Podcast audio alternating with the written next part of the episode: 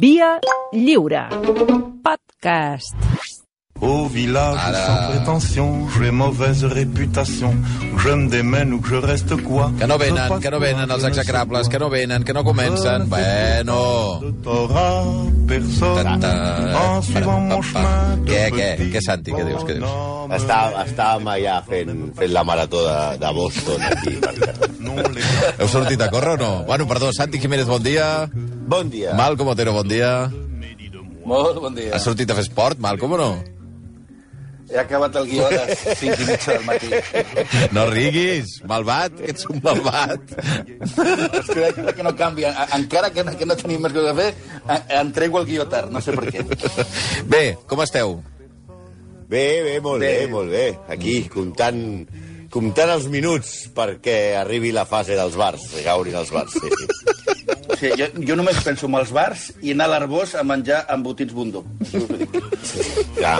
A més a més, avui, avui has dit, Bundó, que us havien fet un pastís, no? Sí, sí, sí. La Sònia Rivera, dona de la neteja, no? ahir ho va, va portar un... Jo no el vaig arribar a tastar. Crec que hi ha un tros a la nevera encara d'aquí de, de la cuina. hay un trozo de pastel en la nevera. Atenció, atenció, hi ha un tros de pastís a la nevera de RAC1. Atenció. Ai. Bé. Tot bé? Doncs res, Què? Per què us heu tallat? Amb- Eh, el dilluns ja... Perdona, perdona. No, que perquè l'altre dia vaig veure la foto del Malcolm amb la palambrera, que he de dir que va en línia amb la meva, vull dir que, que la cavallera la portem llarga. Eh, dilluns has demanat hora, Malcolm, per les perruqueries o...? No, no encara, ho he de fer dilluns, sí, sí. És, és urgent, la veritat. Espera, espera. Atenció, perruqueries. Atenció, no agafin el telèfon al Malco. No l'agafin, no l'agafin. Sí, necessitareu, necessitareu, però vamos, saps els contenidors aquests que es posen a, a, a quan tu fan sobres a casa, que posen los sacos marrones? All- Allà davant de, de, de casa Sí, i sí. tiren tota la runa? Marrones. Doncs això és el que necessitarà la perruqueria quan vagi el Malcolm, eh? Ai, Déu meu. Bueno, va, anem per l'execrable. Haig de dir que a mi me l'han tallat, eh? Ah, sí? A casa? El cabell, eh? Sí, ja, ja. perquè això, això s'ha de- d'especificar, perquè aquí sou molt mal pensats. Quin desastre. I m'ha quedat molt bé, eh? Sí? Realment. Bueno. Sí, sí, sí, sí, sí, sí, sí. Jo ja, jo ja puc viure aquí tranquil·lament, qui t'ha- només em falten als bars. Als bars! Qui t'ha tallat els cabells eh, tenia experiència o no? No, cap. Ah, vaja. Però diguem-ne que, diguem que el meu cabell és bastant fàcil de tallar. Vull dir, realment, com és, com és, un, com és una... Com, com és Una com selva. una mena de, de pelussa que és que corre pel, pel, pel, pel desert. Vull dir, li poses quatre gomes I i, i, i tallen, i ja està. Va. No és, com el del, no és com el del Malcolm, que creix totalment cap a dalt, Sí, sí. que si heu vist en Orthodox, la sèrie aquesta Sí, dels jueus, la dels jueus hassadítics de, de, de Nova York, sí. Sí, que aquests tios en el, en el barret porten la- l'ampolla aquella que venen als aeroports, l'ampolla de whisky grans de dos litros, No, home, no. la porten dintre. Doncs pues el Malcolm més o menys és el mateix. Quan faig videoconferències amb ell, o li veig la cara o li veig el cabell, però els dos junts no entren. Bueno, va. Va. Anem, anem, pel, an- anem per feina, per l'execrable d'avui. Perquè, a veure, eh, avui parlarem d'un director de cinema d'aquests que són dels més prestigiosos de la història, no? Eh, però tot i que no té la, la fama i el nom d'un John Ford, un Billy Wilder, un Howard Hawks i tal, però realment ell va dirigir una de les pel·lícules, les pel·li algunes de les pel·lícules més memorables de la història del cinema, per exemple, començant per Casablanca i seguint per moltes altres que segur que heu vist tots, com Capitán Blood, Robin dels Boscos, El Falcó del Mar, Comancheros o La càrrega de la Brigada Lleugera, no? Sobretot, eh, eh, una, la, la, la principal, que és Casablanca, que li va sortir una mica de xamba, de, de, de què? xiripa, i, i que s'ha explicat moltes vegades la història, no? Era un tipus molt treballador, molt treballador, o sigui, podia ser català, obsessionat amb la feina, Català. feina, feina, feina, feina, molt perfeccionista, i que Català. rodava cada escena desenes i, i ga- gairebé centenars de vegades. El tipus que va crear, com deia, una millor pel·lícula, una de les millors pel·lícules de història, segons totes les enquestes que fan, però també, ai, las, aquí, en compte, s'aprofitava de la seva situació per anar a dormir, i qui diu dormir diu una altra cosa, amb totes les dones que se li acostaven. Era pitjor pare que Michael Jackson, traient el seu fill en pla al rei lleó, una mala peça que tractava malament a tothom, un hipòcrita que canviava de bandera com canviava de camisa, i avui, per tant, li trencarem la claqueta a Manó Caminer, que és un nom que no us sonarà de res. Manó Caminer, Però si també no. us que tam també era conegut com Mihaly Kersets, tampoc us sonarà de res. Però si us diem que era més conegut com Michael Curtis, Home. per cert, que veient el biòpic de la seva vida que han estrenat a Netflix, hem vist que en anglès es pronuncia Curtis, Michael Curtis. Ah, Curtis. Però nosaltres seguirem amb Curtis, Michael Curtis. A veure si ara ens hem de posar allà pejigueros, com allò de Cruyff, Cruyff, Kloiber, Kloifert, Gorbachev, Gorbachev, i així el dia que va, fins i tot va acabar tot, que el dia que Nike va deixar Nike va deixar de dir Nike per passar-se a dir Nike. És a dir, parlarem de Michael Curtis.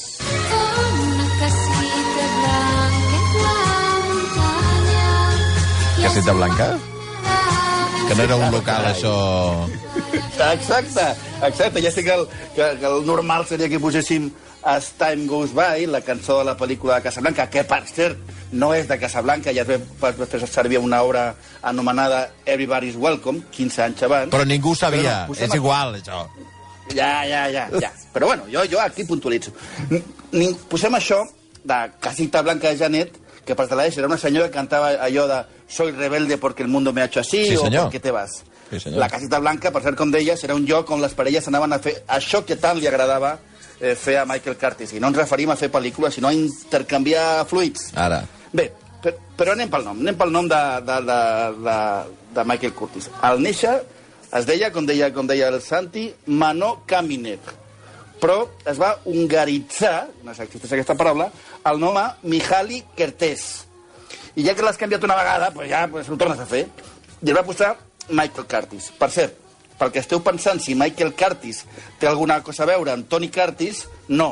I no per això que el nostre execrable d'avui acabi amb Z i no en S, ni perquè el nostre s'assembli més a Belardo, l'entrenador espanyol, sinó perquè Tony Curtis es deia realment Bernard Schwartz. És a dir, que si a Hollywood el teu nom o cognom sona raro, et poses Curtis. I no sé, no perquè no ho va fer Arnold Schwarzenegger, potser, no sé, Luis Curtis o Luis Curtis hagués impressionat una, una, una mica menys. Estem esperant a la gran estrella de Hollywood que es digui No te Curtis. Ah, No te curtes. va, va, va. va. És boníssim, aquest és nou. És horrorós. I a sobre riu ell del seu propi acudit. És, és, una cosa, és una cosa patètica, realment. Aquest l'ha passat al Santi. Ah, vale, al aquest és del Santi. Ah, te l'has trobat ara, mentre llegies. Sí, me l'he trobat, sí, era, una, era un afegit. Val, val. No, no, a, aquest, a mi també em faig molta gràcia jo mateix. Ai, Déu a veure, meu. a Va. veure Michael Curtis, Sí. abans de marxar dels Estats, als Estats Units, treballa, eh, eh, com dèiem, eh, és, és un carès de- d'origen, treballa en un teatre Mm. i participa als Jocs Olímpics de 1912 amb l'equip d'esgrima. Oh, Eh, molt bé. Veus, sí? I, o sigui, per tant, el tio tenia una formació molt, molt esportiva. Sabeu que Hongria és un dels països on més gent fa eh, esport, a excepció de l'Eixample avui. Vale? A veure, eh, eh, ell a Hongria, atenció, ell es fa director de cinema. Entre 1900... Atenció a la dada, eh? Entre 1912 Sí. i 1918 filma a Hongria 45 pel·lícules. Va, va, va. 45 No pot ser, en home. 6 anys. Sí, sí, sí. I després diem que Woody Allen dirigeix massa. O sigui, és una pel·lícula cada mes i mig. Una màquina. És l'Ozores hongarès. Com les pel·lícules hongareses eh, que va fer aleshores. No les ha vist ni Déu, ni tan sols el Blai Morell ha pogut posar-li les tres estrelles, perquè hauria de posar cada mes i mig tres estrelles a les seves pel·lícules. Preventivament les pot posar, no passa res. Les, les posaria segur.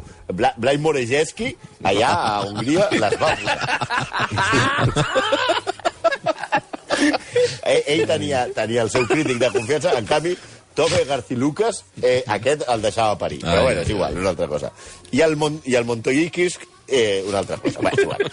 El més increïble és que va fer 45 pel·lícules en 6 anys però també va estar, durant aquest temps, a la Primera Guerra Mundial. No, home, no. I va ser A veure, a veure, a dir, eh, Santi, en t'estàs- 6 anys tens temps. t'estàs enfotent de mi. 45 pel·lícules. No, home, no. No, no, té raó. Va a la guerra i, a més a més, quan estava a la guerra, a sobre, va fer documentals per la Creu Roja hongaresa. Que eren Sí, diferents sí. que les 45 pel·lícules. Sí, sí, també Sí, diferent. eren- Però, com, diferents però que no té cap sentit el que esteu dient. O sigui, com que 45 cap pel·lícules sentit, eh, amb, amb 6 és anys anant a la guerra i fent documentals? És impossible, home.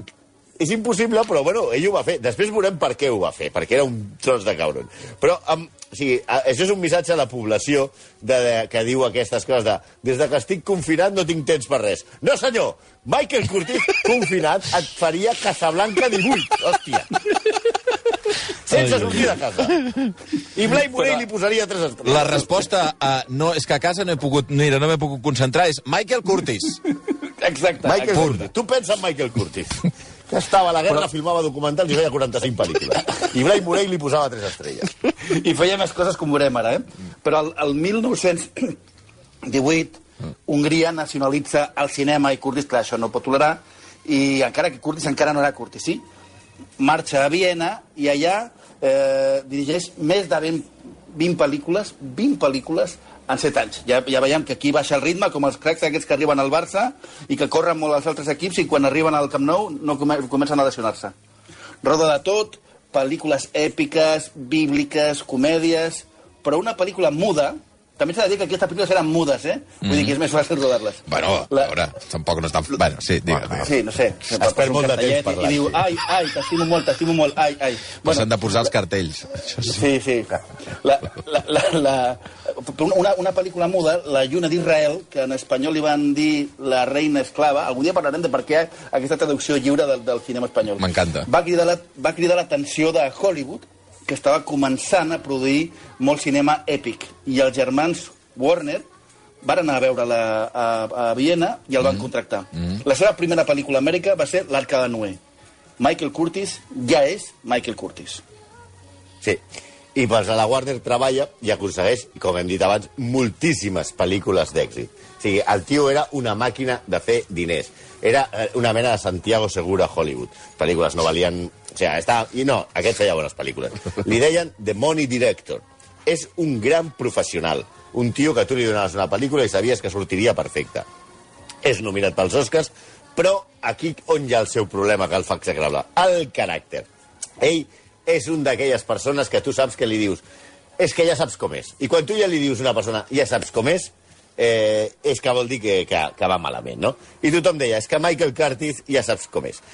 El, el seu biògraf, Alan K. Road, en el seu llibre Michael Curtis, Una vida al cinema, tampoc es va matar molt el, en posant el títol al tio, va dir que va passar que no va passar molt de temps i que des de que va arribar a Hollywood i la gent ja no volia treballar amb ell. Ja deien, hòstia, una pel·lícula amb Michael Curtis, jo no, la, jo no la vull fer. Això ja ho deien les estrelles de Hollywood. I obro cita del que explica Alan K. Road en, el, en, el seu, en la seva biografia. Els seus atacs d'ira al plató, les seves dificultats per expressar-se en anglès i el seu evident i permanent menyspreu pel benestar dels altres era conegut en tota la indústria. El seu estil salvatge i tirànic va fer que alguna vegada, gravant i repetint escenes, estigués, atenció, més de 24 hores seguides de rodatge. Per tant, comencem a entendre que podia fer tantes pel·lícules en un any perquè el tio no parava. O sigui, 24 hores seguides repetint escenes. A més, una cosa que li irritava molt i les prohibia eren les pauses per menjar. Home, però- sigui, aquest però, tio muntava. Però què dius? Sí, sí, no, el tío decía, aquí repetir, dice, "Bueno, pero son las tres, podemos ir a comer. Aquí no se come. Here don't eat. Aquest munta una fàbrica a Bangladesh i els nens de 4 anys que usen sabates a velocitat de vertigen. Sí, era un veritable imbècil. Aquí t'he de dir una cosa. A Malcolm Motero sí. mai hagués pogut treballar per Michael Curtis, perquè si li treuen la pausa de menjar, aquí es lia el pollastre pare. Era feliz ¿Eh? en su matrimonio, Oi, oi, oi. aunque su marido era el mismo demonio. De Michael Curtis. No, no posem aquesta cançó perquè anem a, encara, encara a parlar de les seves dones, però té un sentit, ja ho veureu. Seguim.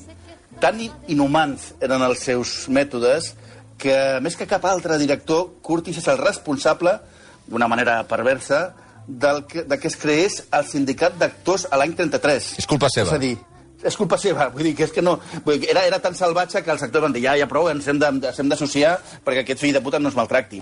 Era, ell era molt obseqüent, era molt, obeïa molt als seus, als seus jefes i volia complir els terminis dels pressupostos dels germans Warner. Per cert, cada vegada que, que diem germans Warner, Warner Bros., penso en el Coyot, el Correcamins i Bugs Bunny.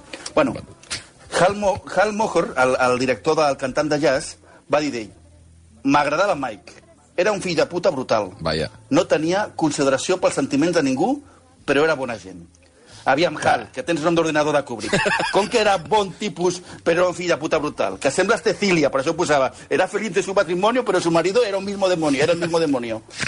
O una cosa o l'altra. Sí. Eh, una cosa o Hal. l'altra. Eh, Hal. Hal. Hal. Hal. Hal. A la seva biografia, que és molt elogiosa, realment, tot i intenta dissimular-li la, la, la, el seu caràcter d'aquests que deia, ja saps com és Curtis, ell es veu que Curtis el que feia s'esforçava molt en tenir contents els caps. Però no passava el mateix amb els que estaven per sota. És a dir, els germans Warner, o sigui, és a dir, el eh, Bugs Bunny, el Coyote, el Correcaminos, i tots aquests, Els Warner li deien, haz una pel·lícula. I ell la feia. Però es passava todo, un esto huevo amb els que estaven per sota. No només els actors, també insultava els fusters, els elèctrics, a tothom. Fins i tot els extras. Hi ha una anècdota que recull la pel·lícula aquesta que s'ha fet del seu biòpic a Netflix, però que realment l'hem comprovada i és certa, en la qual hi ha un extra, un, un, un d'aquests que fa bulto a la pel·lícula, un italià que mira a càmera i ell para el rodatge i comença a cridar eh, què fa aquest fill de puta, no sé què, tal, tal. I com veu que no l'entén, acaba preguntant-li a algú com es diu idiota en italià per poder insultar l'extra i que l'entengui. O sigui, el tio aquest portava moltíssimes hores a un plató per una misèria de sou. I ell, com, per, com el volia insultar i que ho entengués, va anar a buscar algú que parlés italià. Solia recrear-se, també amb els més febles, amb preguntes retòriques quan acabaven de fer una prova o acabaven de fer una escena, dient-li tu, i tu vols ser actor? Que és una mica el que feia José María García quan ella deia ¿Te gusta la radio? ¿Te gustaba? Pues ahí sería ¿Te gusta el cine? ¿Te gustaba? Cuando la está trepanda le quieres ver el calzón. Aquí niña está regacha, eres un pervertido. Però aquesta música ara què és? O sigui, esteu anant però molt a pitjor cada dia. Eh? O sigui, això què és ara? M'encanta. És una cançó que diu Eres un puerco, Ah. eres un puerco i que, que, que, que parla una mica del que parlarem ara. Mm. Perquè aquesta eh, necessitat de dir sí sempre als caps el va portar a acceptar pel·lícules de propaganda de guerra com Missió a Moscou. Cal recordar que Rússia i els Estats Units eren aliats, però la versió és tan amigable aquesta versió tan amigable de Stalin, a l'acabar la guerra li va passar factura, perquè ell políticament va ser patriota hongarès i d'esquerres, i després va ser un americà de dretes que passava d'Hongria, però molt de dretes, eh?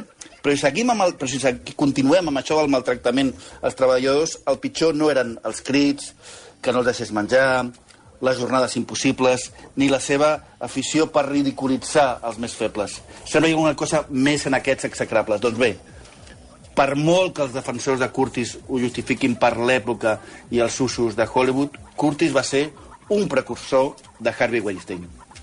Sí, no només en el sentit de violar o forçar les dones, sinó en l'abús de poder que exercia. Mm. Qualsevol noia una mica maca que estigués al set estava en el tir de càmera, i enteneu la metàfora fina que hem escrit, Molt. si pujava a l'habitació de l'hotel o passava pel seu camerino. Per menjar no parava els... Bueno, depèn del menjar què. Per menjar no parava els rodatges. Va, però per cardar ostres, és molt sí desagradable el comentari. Sí, ja, ja, ja. Home, no. Ell deia, pausa per comer, i totes marxaven. No era una cosa de tant en tant. Era tota l'estona, cada dia de rodatge. La seva fama de, de, de pitxa brava era coneguda a tot Hollywood. Fins i tot hi ha qui afirma que va ser ell el que va instaurar aquesta regla horrible que havies de passar pel llit del director per treballar la seva pel·lícula. Una de les seves assistents ho defineix molt bé. Era un depredador. Road, el de la biografia, diu que la indústria del cinema pensava que només li agradava cardar i rodar, però no sabien establir perfectament en quin ordre s'haurien de posar els dos verbs. De totes maneres, eh, eh, entre, entre polvo i polvo va fer 100 pel·lícules als Estats Units. Poca broma, perquè devia amargar-li la, la vida a moltes actrius. Em semblen poques, tenint en compte el ritme que portava d'Hongria, que vols que et digui? Sí, sí. 100 pel·lícules em sembla una nimietat. Home, així movia més el llom, eh? Ja, ja, ja, ja. Està ocupat. No, S'ha de dir que totes les seves esposes, totes les seves dones, portaven més banyes que un Vitorino, eh? Però això no és tot. Es va casar tres vegades, mm. però va tenir diversos fills il·legítims. Fins fa uns anys es coneixia que tenia, a més de la seva filla legítima, un fill il·legítim, de la seva època austriaca, i que el van portar als tribunals per la manutenció del nen i tal. Però no, va tenir quatre criatures de quatre relacions extramaritals. És a dir, va iniciar quatre famílies a les que anava, més o menys, mantenint, però els que va deixar fora del seu testament. Per aclarir, va tenir quatre fills de quatre mans, estan casats amb dones diferents. Uah, o sigui, cap d'aquestes criatures era, era, era del matrimoni. Sí. Evidentment, a- ell ell no podia... Era una bèstia, però si a més era, era un desgraciat amb, amb els seus congèneres humans, especialment amb les de, amb les de sexe femení, també la seva falta, de, la seva crueltat i la seva falta d'empatia s'estenia als animals. John Niven explica a les seves memòries que perquè els cavalls es caiguessin en el moment adequat, quan fèiem escenes de, escenes de càrregues i tot això, eh, a les pel·lícules, usava un mètode molt cruel, que consistia en l'ús d'un nus de, de cowboy que tirant de la corda en el moment precís que el, que el cavall es posava al galop, atombava el cavall, i ell tenia un pla collonut. El dolent és que els cavalls es trencaven les cames amb aquesta acció, i, això, i aleshores es destrossava de cops. I, quan, I ell, aleshores, el que feia, tenia un senyor amb una pistola en el set de rodatge que deia canvia'm el caballo. Anava allà i li fotia un tret al, al, al cap al cavall allà davant de tothom. Eh, Errol Flynn, que va treballar molt amb, amb ell, perquè ja havíem parlat fa molts anys de l'execrable Errol Flynn, que era un actor ingovernable, als estudis, els, els germans Warner, el van posar a treballar amb Michael Curtis per veure si Curtis el podia, el podia controlar, cosa que va, no va aconseguir. Errol Flynn, que va fer amb ell Robin de los Bosques, el Capitán Blood i altres pel·lícules, la càrrega de la brigada, la brigada lleugera, va començar una campanya per aca- evidentment Errol Flynn odiava Curtis, per acabar amb aquesta pràctica que tenia com a resultat el sacrifici, com hem dit, de diversos cavalls cada dia. Cada dia morien més cavalls en un estudi de cinema que a la plaça de toros de la Real Maestranza de Sevilla, quan no hi portaven protecció. L'estudi el va solucionar, eh, els estudis de Warner Bros. van solucionar aquest tema passant a fer aquestes escenes a Mèxic, on les lleis de protecció dels animals eren inexistents. Que malparits. Quizá le llamaban la casita blanca Hombre, por tener terraza de sábana Bueno, i, hem, inquieta. i hem arribat, hem, hem aconseguit arribar fins al final gairebé sense parlar de Casablanca, que té mèrit. Hem de dir que va ser, va ser un miracle que sortís bé. Era un llibret d'una obra de Broadway mai estrenada i que no passava a la Segona Mundial. I això ho sabem segur perquè es va escriure 15 anys abans. El guió s'anava escrivint sobre la, sobre la marxa. Els, els germans Epstein anaven escrivint el guió sobre la marxa. I, de fet, hi ha una anècdota que Ingrid Bergman es queixava que no sabia encara de qui s'havia d'enamorar i en qui es quedava al final. evidentment, la, la pel·lícula, que va ser un èxit brutal, estava feta amb els, amb els pedaços, amb, a, a, amb escenes i, a, i amb situacions de guions de pel·lícules anteriors que havien sigut un èxit a l'època. Va fer una mena de pastitxe i, i aquestes fórmules mai surten bé, però aquest cop sí, no? I avui és un clàssic. A més, en la seva època, el- quan es va estrenar, ja va guanyar l'Oscar a la millor pel·lícula i ell va guanyar l'Oscar al millor director, tot i dirigir-la sense guió. Això, això sí, a la pel·lícula mai es diu l'expressió, en això que fem sempre de frases de que mai s'han dit i frases Sí. apòcrifes, suposo que ho sabeu, a la pel·lícula mai es diu torna-la a tocar, Sam. O sigui, el Play It Again, Sam, no es diu en tota la pel·lícula. Sí, sí. Tot, a, això passa a, a, a la fama perquè és el títol de la pel·lícula de, de Woody Allen, que aquí es deia Somnis d'un seductor, que, que és el ti- i, a, i la, originalment en anglès es diu eh, Play It Again, Sam, ui, ara s'ha tallat el, el Santi. Espera't, Santi. Ui, algú li ha passat les tisores mm, pel rínxol massa ràpid. El, el que deia que està, ella estava parlant de, de Somnis d'un seductor, que té un dels millors diàlegs universal, que és una escena que està una noia a un museu i ell comença a parlar amb ella i li pregunta en un moment determinat què fas el dissabte a la nit? I ella contesta, em suïcidaré. I diu, ah, i el divendres a la nit?